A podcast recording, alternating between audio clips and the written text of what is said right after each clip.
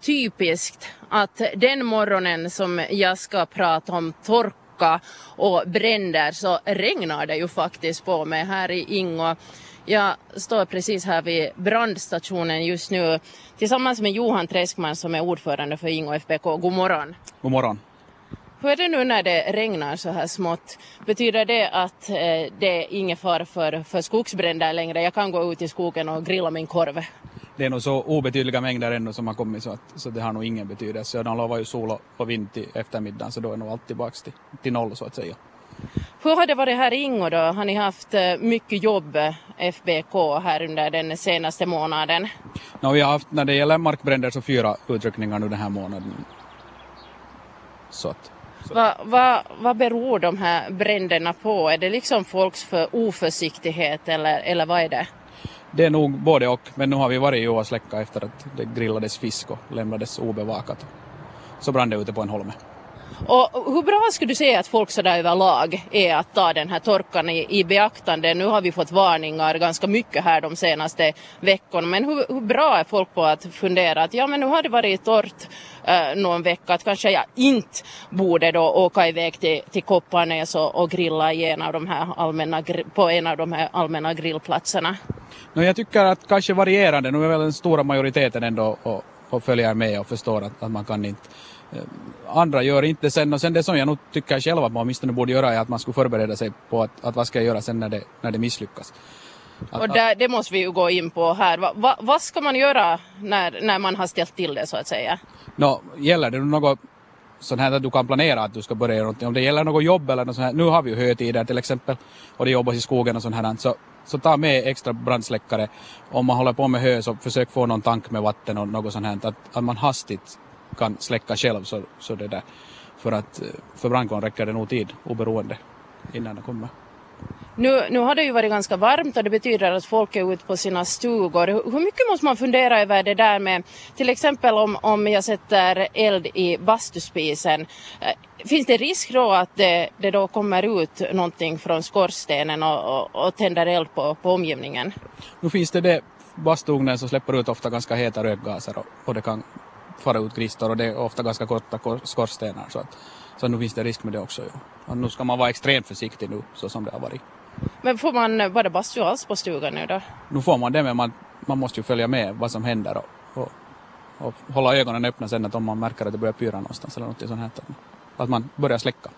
Det som jag har funderat på när jag har klippt gräs där hemma så ibland så råkar jag köra på en, en sten eller två och då, då slår det också sådana här gnistor. Eh, kan det också tända eld på, på gräsmattan där hemma? No, det kan det nog. Om du har riktigt torr gräsmatta så, så kan det. Och det är ju det att den där gnistan kan ju bli att ligga där en stund och pyra och, och, och det börjar inte brinna direkt utan det tar en stund och sen tar det sig.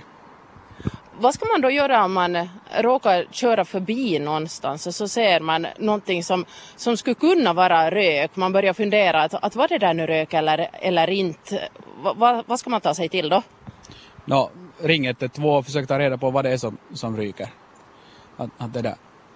det är dumt att bara köra vidare och ringa 112 för då det är inte så stor hjälp utan försök nu fara dit och se vad det är som, som det är. Och, och är det nu någon skogsbrand som är på gång så då vet de om det mm. nog på nödcentralen. Även om det skulle vara pinsamt och det egentligen bara skulle vara en, en eh, traktor som var på åker och så var det en massa damm.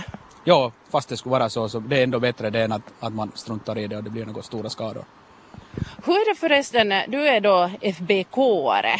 Eh, kan du åka iväg bara sådär nu när det har varit kanske lite mera bränder här och där? Kan du åka iväg från ditt så att säga egentliga jobb sådär bara? No, ja, nu kan jag göra det och sen får man då jobba på natten istället. Eller så här försöka lappa i. Men att, att jobba då med, med jord och skogsbruk så att jag har på det viset flexibla arbetstider.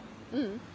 Hur är det då äh, om, om jag då strider mot reglerna och fast det är fara för, för skogsbrand och så vidare så åker jag ner till Kopparnäs och så grillar jag min korv där och så råkar det sig så att det är jag som är orsaken till en skogsbrand. Får jag något straff då?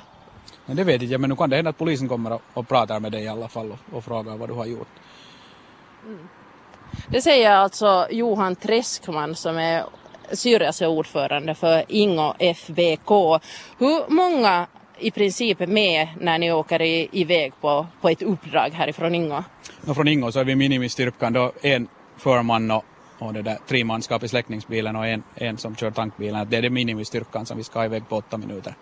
Och nu har vi berättat om en del äh, bränder i våra nyheter på, på morgnarna. Men äh, hur långt åker ni iväg här, här från Ingo? Åker ni liksom långa vägar eller hur är det? No, I fjol så hade vi tankbilen i Syndagen. På lördagen var jag i, i Västerby med den. Och, och så här att, att nu åker vi. Sen har vi på det viset skilt när vi är enda, enda enheten som enda släckningsenheten som finns här i kyrkbyn så, så det betyder att den tas inte så lätt ut. Men sen har vi ju då mindre kårer som som Billnäs, Backgränd och sådana som, som istället då flyttas mera på att, att de hjälper till för att det där släckningsarbetet där i, i Västerby så nu pågick det säkert en 10-12 timmar åtminstone. Nu blir det här vet ni riktigt ironiskt för att vi börjar bli riktigt våta jag och Johan Teskman här. Men fortfarande så får ni väl vara då riktigt försiktiga när det gäller eh, brand och eld och, och ta nog inte och, och, kanske just idag eh, grill, eller undvika att grilla ute i, i naturen eller bränna löv eller någonting för att även om det kanske regnar där hos dig så är det ändå så pass torrt överallt i skog och mark.